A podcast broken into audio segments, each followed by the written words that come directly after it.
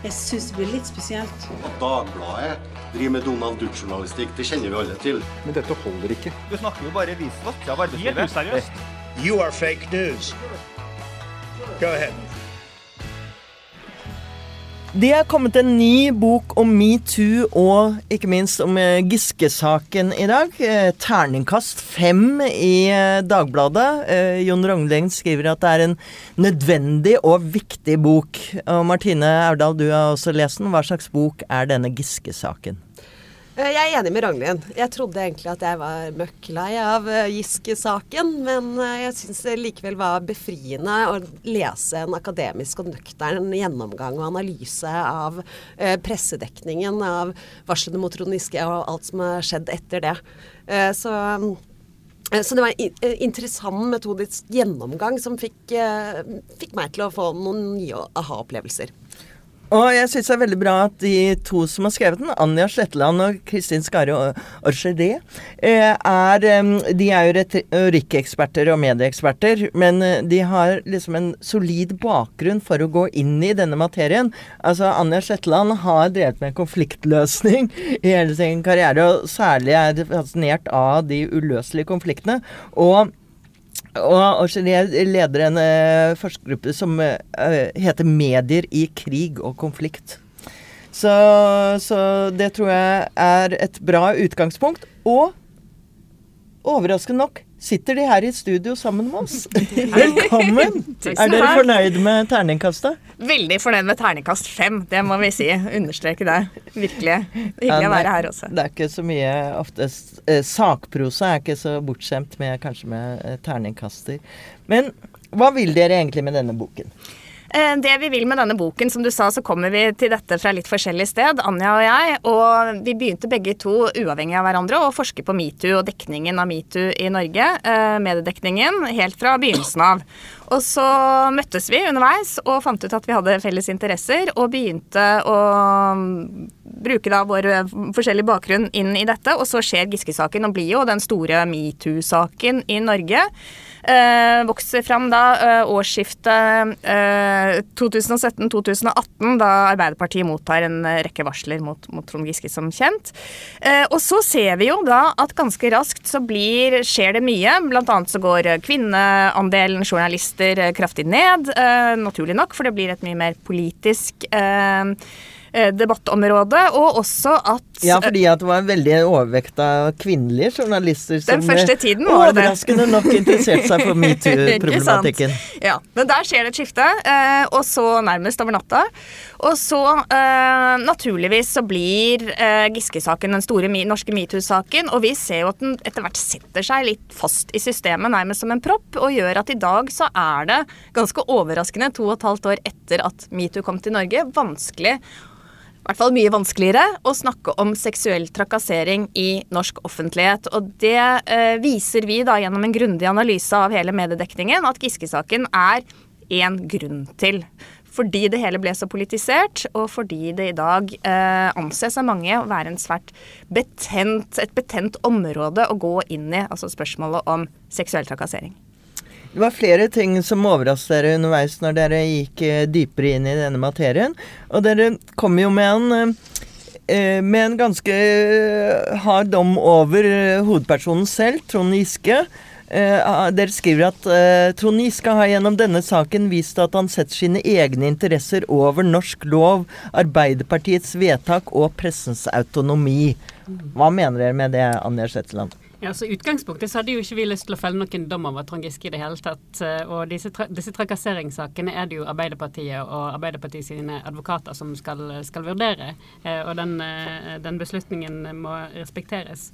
Det som vi har på en måte blitt bekymret over gjennom denne saken, som vi føler at det ikke kan stå ukommentert, det er hvordan Trond Giske har gått til et angrep på likestillingslovens legitimitet. Og da får han med også bestille. For, for likestillingsloven er så grunnleggende. Den er helt fullstendig avgjørende for at man skal få bukt med seksuell trakassering. Også for at um, det ikke skal være fritt frem for, eh, for mektige eh, mennesker å um, gjøre som de vil på andre menneskers bekostning. Og hvordan gjør han det? Nei, altså han har f.eks. nektet for at han det han er skyldig i, er seksuell trakassering. Um, og da blir det spesielt uh, tydelig med uh, dette varselet fra Sunniva Andreassen, som han har, som han har erkjent at, at, han har gjort det som han er anklaget mm. for, men han nekter for at dette er seksuell trakassering. Um, og det er jo på en måte Så klart skal, skal Trond Giske få lov til å forsvare seg, og han mener at det finnes uriktige fremstillinger i flere av varslene, men akkurat dette har han erkjent.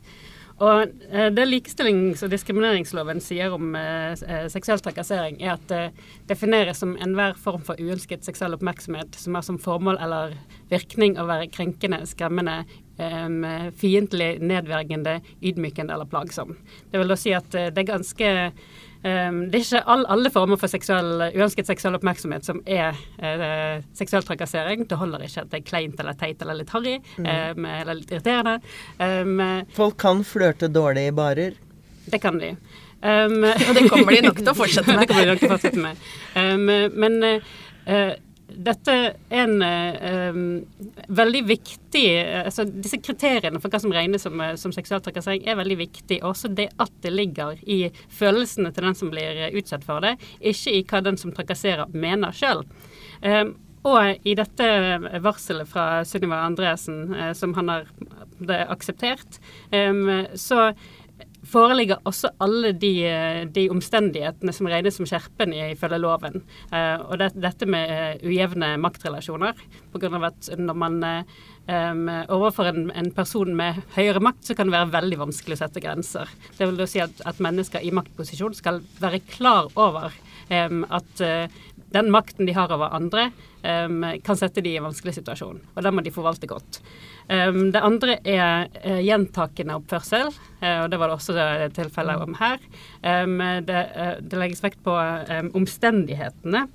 altså det at, at han, han, dukket opp i, i hennes miljø og gjorde den situasjonen vanskelig for henne. og konsekvensene. Så det, måte, altså det at hun, hun, fikk eh, store problemer med dette i ettertid, det var en stor psykisk belastning for henne, og det gjorde at hun trakk seg fra, fra vervet i AUF. Eh, Så det krysser av i alle disse boksene som eh, likestillingsloven omtaler, ja. eh, i eh, ganske presis detalj. Og, ja, dette ligger da i forarbeidene til loven, altså den, ja. um, hvilke, hvilke ja. omstendigheter som er skjerpende. Ikke sant. Og, Så, og, og da går det ikke an å mene noe annet at dette ikke gjelder jeg lager min egen lov. Ja, ja det er litt det. At han, at han vil bestemme sjøl hva som er seksuell trakassering. fordi at for han så var det kanskje ikke um, ja, Han vil ikke identifiseres med det begrepet, da. Men hvis det er sånn at dette her er et sånt skoleeksempel på seksuell trakassering ikke kan regnes som seksuell trakassering, at man ikke har lov til å si i offentligheten at dette er seksuell trakassering, mediene kan ikke skrive om det, da har han satt seg sjøl over loven. Og da har vi alle et problem. For eh, ikke sant, Martine, at vi har jo fått noen strenge beskjeder om at uh, vi kan ikke si at uh, at uh, Trond Giske er felt for seksuell uh, trakassering. Vi må si at han er felt for brudd på Arbeiderpartiets retningslinjer om, om seksuell trakassering. Mm. Og det, Dette er jo noe vi har diskutert veldig mye i mediene. fordi det er jo litt trøblete nettopp det at dette er en lov. Og Arbeiderpartiet er jo ingen rettsinstans. Mm. Eh, de har noen retningslinjer, så, og de har dømt Trond Giske etter det. Han mm. mener jo at det er et urettmessig grunnlag for at han er dømt. Eh, Uh, og er uenig i at han har bedrevet seksuell trakassering. Men det at det er en faktisk lov som sånn sett uh, man tror da skal alle havne i, i, rettsvesenet, gjør jo dette uh, litt komplisert. da. Mm. Ja, fordi det skal ikke havne i retts, rettsvesenet. For det, det, er sånn at arbeidsgivere og, uh, organisasjoner har et ansvar for å, for å forvalte da, likestillingsloven gjennom arbeidsmiljøloven. Um, og det vil da si at man Um, det er opp til, til uh, I Arbeiderpartiet sin tilfelle så er det partisekretæren og lederen som, uh, som har ansvar for uh, å både vurdere disse sammen med sine egne advokater og bestemme sanksjoner. Og det, det er der på en måte, Trond Giske har også utfordret partiledelsens autoritet til å bestemme i denne saken. Um, og det har han ikke rett til, fordi altså, Arbeiderpartiet sin ledelse har faktisk plikt til å vurdere denne saken. De har ikke noe alternativ. Jeg er sjefen som man snakker om, ja, Når man snakker f.eks. om at Hadia Tajik eh, viderebrakte disse varslene, så er det en plikt hun har. Det var det. Det er står da i likestillingsloven at Nei, det det har man står i arbeidsmiljøloven. Arbeidsmiljøloven, for å være helt korrekt. Paragraf det. 2 Eh, at det har man plikt til å gjøre i organisasjoner og som arbeidsgiver. Akkurat dette her er noe av det jeg syns er aller mest interessant eh, med boka deres, er hvordan dere viser at påstander om at andre bruker eh, maktspill, har blitt brukt for å eh, delegitimere meningsmotstandere i denne saken. Og det har jo rammet særlig Hadia Tajik eh, hardt. Og det er, dere snakker om noe som heter svarteperspill. Ja, kan dere ikke forklare litt? Ja, det- Alle vi utenfor eh, har jo sett at dette har vært et, eh, et stort maktspill. Og det er vi enige om at maktspill i politikken er ganske vanlig. Men hva mener dere når dere snakker om svarteperspill? Vi bruker eh, den metaforen svarteperspill, og noen husker kanskje det er kortstokken med svarteper. Så den som ble sittende igjen med svarteper, var taperen i denne runden. Eh, Og så skulle man vel også ha svart koks på nesen eh, i min barndom. Og det, den metaforen passer veldig godt fordi at vi ser hele tiden at det er nye spillrunder, og at reglene endrer seg litt faktisk fra gang til gang. Og hvem som blir sittende igjen. Du sier at Hadia Tajik fikk en stor del av det. Hun fikk, ble sittende igjen med svarteper, men det var det en rekke andre som ble også.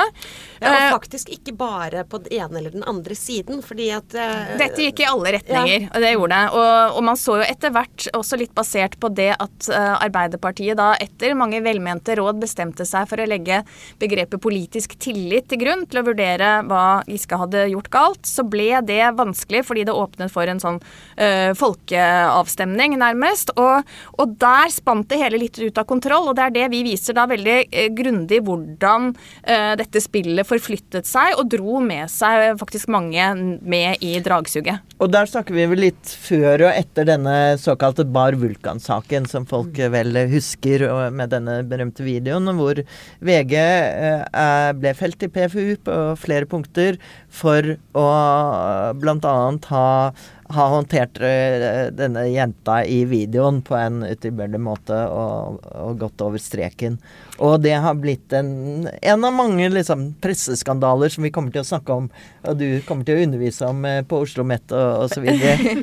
Det som vi kan legge til der som var ganske spesielt med den saken, var at ja, eh, de gikk på en smell med Sofie 27, Ja. som vi lærte å kalle henne. Eh, Men man prøvde jo også da å etablere e sin egen fasit på hva som var gjort galt. Altså med den rapporten man skrev, som igjen ble en sånn nedadgående spiral-del av det. Ja, som også da ble felt. Så det var Det, det smittet over her fordi at man var uenige om hva egentlig som sto på spill, og hva, hva de sentrale kriteriene var. Eh, Men vi er jo også opptatt av at ja, i, nå i ettertid så sitter man igjen med inntrykket av at mediene um, gjorde en elendig slett jobb i dekningen av metoo-saken og Giske-saken, og kanskje spesielt VG, da, for veldig mange husker den eh, Vulkan-episoden. Så er vi jo opptatt av at Vulkan-episoden for det første ikke var noen metoo-episode, eh, men den kom i kjølvannet av disse metoo-sakene, så det er naturlig at man eh, tenker på den i samme åndedrag. Men det er jo også det at eh, selv om ikke pressedekningen på noen måte har vært feilfri, så finner vi at mediene i det store og det hele har gjort en skikkelig og grundig jobb, og det tenker vi er litt viktig å få fram også.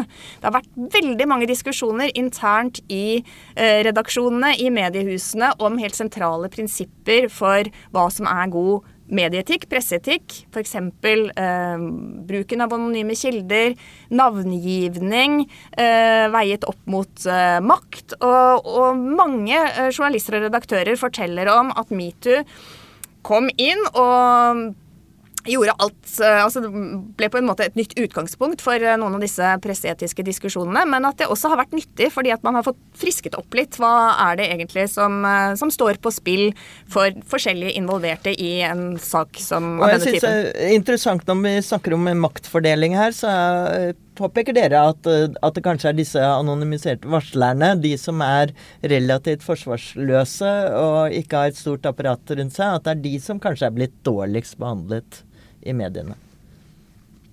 Ja, og dette er jo noe som, er, som har kommet veldig lite frem, og det handler jo nettopp om at eh, de har eh, um, ikke ønsket å ta en posisjon i offentligheten i det hele tatt. Eh, dette var um, personer som varslet inn til Arbeiderpartiet om ubehagelige opplevelser. Um, eh, og og helst ikke ville ta den belastningen det, det er å, å um, bli kjent for hele det norske folk om at de er varslere. Så de hadde litt ulike begrunnelser for det. Og det er det, det, at et, et, par av disse varslerne hadde skrevet, skrevet kronikker og forklart hvorfor de ikke ville stå frem. Men der skriver de også at uh, um, uh, Like etter at uh, um, Trond Giske ble kjent med varselet, så fikk de da te eh, telefoner fra veldig mange ulike medier uh, som hadde fått oppgitt deres, deres, navn. Og etter det så ble de utsatt for veldig masse press for å stå frem. Mm. Og dette var jo også begrunn begrunnelsen til de to, to navngitte personene, altså uh, Sunniva Andresen og Line Oma, som har gått ut. Ikke fordi de ønsket det, men fordi at de følte seg presset til det.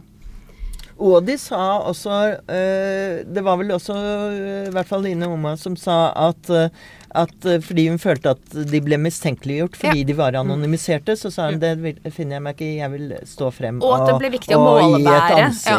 Og det var jo uhyre viktig. Ja. Så vi jo også for eh, resten av hvordan denne saken utspilte seg, at mm. varslerne fikk noen talspersoner som hadde navn mm. og ansikt. Men dette er også den myten, det at, at varslerne var anonyme. At de fikk mm. lov til å uttale seg anonymt i, i pressen. Fordi uh, Avisene som satte dem på trykk, de visste godt hvem de var. Um, Trond Giske visste hvem det var. Partiledelsen i Arbeiderpartiet visste hvem de var.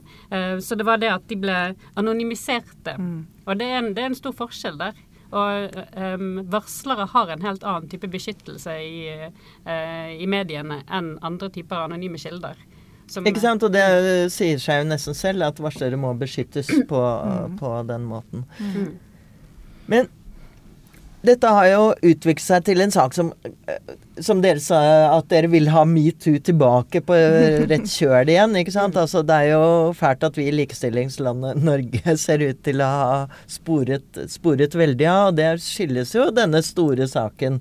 Eh, og dere gir en forklaring på hvorfor det skjedde.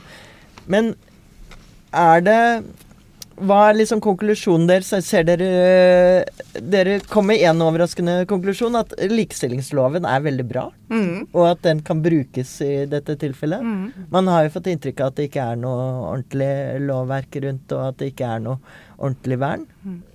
Ja, den er kjempebra. Eh, den har, vi har jo hatt en eh, lov mot seksuell trakassering i mange år, men den har vært nærmest sovende. Ingen har eh, brydd seg noe særlig om den, og de færreste har vel visst at den eksisterte. Og så er det dette ganske radikale skiftet da, i hva man fokuserer på, fra å ha fokusert på størrelsen eller omfanget av eh, hendelser, hva, akkurat hva som er gjort, til eh, hvordan den som blir trakassert, opplever det. Som da Anja forklarte i sted, alle disse tingene som er knyttet til forskjellige typer følelser. Veldig spesifisert i lovverket. Og det er jo faktisk en veldig et revolusjonerende skifte Uh, og som vi ser at der kan vi begynne å snakke om et før og etter metoo, tross alt. At det har skjedd en normendring, og at man ser nå mer på den som er blitt trakassert sine følelser, uh, enn på akkurat hva det var som ble gjort. Samtidig så ser vi at det er vanskeligere uh, enn det burde ha vært i dag å snakke om seksuell trakassering, og det er utfordrende. Og der kan jo også mediene gå noen runder med seg selv og spørre om eh, de skal tørre å være litt tøffere i å ta tilbake retten til å si ordene seksuell trakassering, slik som de er med eh, det grunnlaget de har i norsk lov. Jeg syns akkurat dette med å insistere på loven som felles standard er et veldig viktig grep som dere gjør i den boka. Nettopp fordi at utmattende med Giske-saken har jo nettopp vært der, de stadige diskusjonene om hvor alvorlig er egentlig denne eller denne episoden, mm. og uh, alle konspirasjonsteoriene og, og, maktkampene som er kommet opp i et kjølvannet av den, som har skapt et utrolig dårlig samarbeidsklima internt i Arbeiderpartiet, men også mm. uh, har ført en ganske utmattende debatt i offentligheten, der folk har, mm. har altså, ulike virkelighetsoppfatninger har stått mot hverandre. Uh, og det var noe av det jeg syns var mest befriende, da, var når det liksom kommer til at sånn, men det finnes fins en felles standard. Mm. Vi har en lovtekst som sier mm. ganske presist hva dette egentlig er og ikke er, og da kan man se bort ifra alt det andre. Mm. Ja, og for uh, Arbeiderpartiet har jo denne saken vært uh, ødeleggende på mange måter, og denne uken så så fikk vi jo høre at, uh, at Marianne Martinsen og Jette Christensen, to fremtredende Arbeiderparti-politikere, og kanskje ikke minst kvinner også Og to av de tydeligste ja, profilene i Sier at dette gidder ikke mer. Vi, vi, vil ikke ikke ha gjenvalg. Og de begrunner det jo rett ut med den dårlige stemningen og det onde blodet som oppsto etter Giske-saken. Men hvor går veien? Dere er jo også prøver jo å være forbilledlig konstruktive i at dere sier at uh, hva skal til for at vi kommer videre? Er det tilgivelse for, uh, for uh, de som blir beskyldt for seksuell trakassering? Hva skal til for å komme Hva skal til for at Trond Giske, som nå er midt inne i en oppstrivende nominasjonsprosess oppe i Trøndelag, skal komme tilbake? Altså Nå må jo alle saker vurderes individuelt. Det er jo faktisk veldig viktig når det gjelder seksuell trakassering, også at det er en helhetsvurdering. Um, og nå er det jo sånn at uh, det var um, Jonas Gahr Støre og Kjersti Stenseng som skulle bestemme sanksjoner, og de har be nå bestemt seg for at sanksjonene er liksom ferdig sonet. Um, og at det nå er opp til, til Trøndelag Arbeiderparti å bestemme. Og, så, og, det tenker jeg at det må også vi respektere. At det, det er faktisk eh, deres beslutning. Um, så da kan vi egentlig bare håpe at de tar med i betraktningen måte, den, eh, hvordan han har oppført seg etter at han har um, fått disse anklagene mot seg. For det er det vi er bekymret for, at han har vist veldig lite vilje til å faktisk forstå hva han har gjort galt. Um, og for å respektere likestillingsloven, og også respektere um, Arbeiderpartiet, eller Ap-ledelsens rett til å bestemme over disse sakene. Han har jo hele tiden utfordret uh, Støre sin makt på dette området. Men også det, den måten han har utfordret mediene sin rett til å skrive om dette her. For det er jo faktisk ikke noe som er avklart i det hele tatt. Og der, og der trekker ikke vi noen sånne tydelige konklusjoner på hvordan pressen skal få lov til å skrive om dette, fordi det faktisk må um, Det må faktisk det enkelte medier bestemme litt selv. Um, men vi har på en måte funnet ut at det er tre forskjellige tilnærminger som har stått opp mot hverandre. Uh, der, der noen mediehus har tenkt at pressens mandat er å da undersøke um, um, maktmisbruk i samfunnet generelt sett. Mm. Det vil da si at man kan undersøke og grave i sånne trakasseringsanklager mot politikere. Og dere peker på nettopp da at uh, de som fulgte den uh, diskursen, som det heter, så er det de drev helt normal politisk journalistikk. Nei, nei det er en annen en. men det er den som, som legger til grunn at, at pressen skal um, vurdere om politikere er, er verdig sin tillit fra befolkningen. Der har man virkelig tenkt sånn normal politisk journalistikk. Den andre er nok litt mer sånn ja, gravejournalistikk. Ja. Gravejournalistikken er jo også en form mm, for mm, vanlig, vanlig, journalistikk, ja. tenker jeg, som er legitim å drive med, og som er, liksom, går inn til samfunnsoppdraget. Men det er noe med, med, det at det står tre konkurrerende samfunnsoppdrag mot hverandre, og, jeg, og, vi er veldig opptatt av at de tre må anerkjennes. Alle er legitime, men de fokuserer da på forskjellige forhold, og setter forskjellige aktører i fokus. Ja, sånn at, og med pressen har på en måte vurdert eh, hverandres dekning ut ifra ulike eh, altså konkurrerende eh, etiske prinsipper. Og vi vil at, dette skal, at her skal det være en redelig kamp. At pressen skal ha etisk ryggdekning for, for, de valgene de tar, og kunne begrunne de sjøl. Så vi har på en måte prøvd å tydeliggjøre hvilke alternativer står de mellom her. Men den ene, ene, retningen er jo denne heksejakt uh, som er blitt nå den dominerende mm. litt uh, uh, fortellingen. Er den, eh, er den eh, legitim? Er det, er det, noe som dere har funnet ut av? Er, er, det godt begrunnet? Ja, altså Hvis vi tar det til eh, hva slags presseetisk ståsted som forsvares av det perspektivet, som da kalles heksejakt på Giske i dette tilfellet, så vil jo det de som finner sin legitimitet i det perspektivet, være veldig opptatt av å beskytte den de blir varslet mot. Uh, og det er definitivt legitimt. Og vi husker jo uh, de av oss som har levd en stund, uh, Tore Tønne-saken, og vi foreleser om den til nye unge journalistspirer også, som var en vekker for veldig mange i hva en som er anklaget for å ha begått et overtramp eller gjort noe feil, skal måtte stå i. Og det er klart at virkeligheten er en helt annen også i dag, med sosiale medier og, og nyhetsoppdateringer og på alle flater hele tiden, enn det var i Tore Tønnes tid i 2002, var det vel. Eh, så det er, det er absolutt altså det Poenget vårt er at alle disse tre måtene å se virkeligheten på er legitime, men man må være de bevisst. sånn at man, Hvis man f.eks. skal gjøre en oppgradering av Vær varsom-plakaten, så kan man ikke bare ta eh, utgangspunkt i det ene perspektivet på bekostning av det andre. eller Da må man i hvert fall være veldig tydelig på at det er nettopp det man gjør. Og det mener dere at Presseforbundet og Kildeutvalget har gjort? Vi mener at i den kildeutvalgrapporten som kom, eh, som er på 73 sider, og, det virker som er, eh, det er mye godt i den, det lille kapitlet som handler om metoo, som er ganske lite, eh, er svært tendensiøst, nettopp fordi det utelukkende lar den type stemmer som det, representerer det vi kaller heksejakt på Giske-perspektivet, komme til orde. En viktig og nødvendig bok, eh, sier Dagbladets eh, anmelder. Terningkast eh, fem. Så får i hvert fall de som leser den, blir oppfrisket og husker, husker ting som i hvert fall jeg trodde eh, at hadde glemt hadde, hadde skjedd. Og det er eh, skrevet på en måte som, eh, som er ganske tilbakelent, vil jeg si, og, og edruelig og nøytralt. Bortsett fra at uh, Befriende nøkternt. eh, Befriende nøkternt, motsetning til mange du. av debattene rundt uh, Ja, Giske-saken. ikke sant. Og det er det Giske-saken trenger. Og så uh, beklager jeg bare at dere ikke beholdt tittelen Game of Thrones. Eh, kanskje jeg kan stjele den fra dere. den var kanskje litt vel tabloid. Takk Kristin og Anja for at dere kom hit i podkaststudio. Takk for oss. Og så må dere gå inn på Facebook-siden eh, vår. Der skal jeg legge ut Martines kommentar om boka og anmeldelsen fra Jon Rognlien.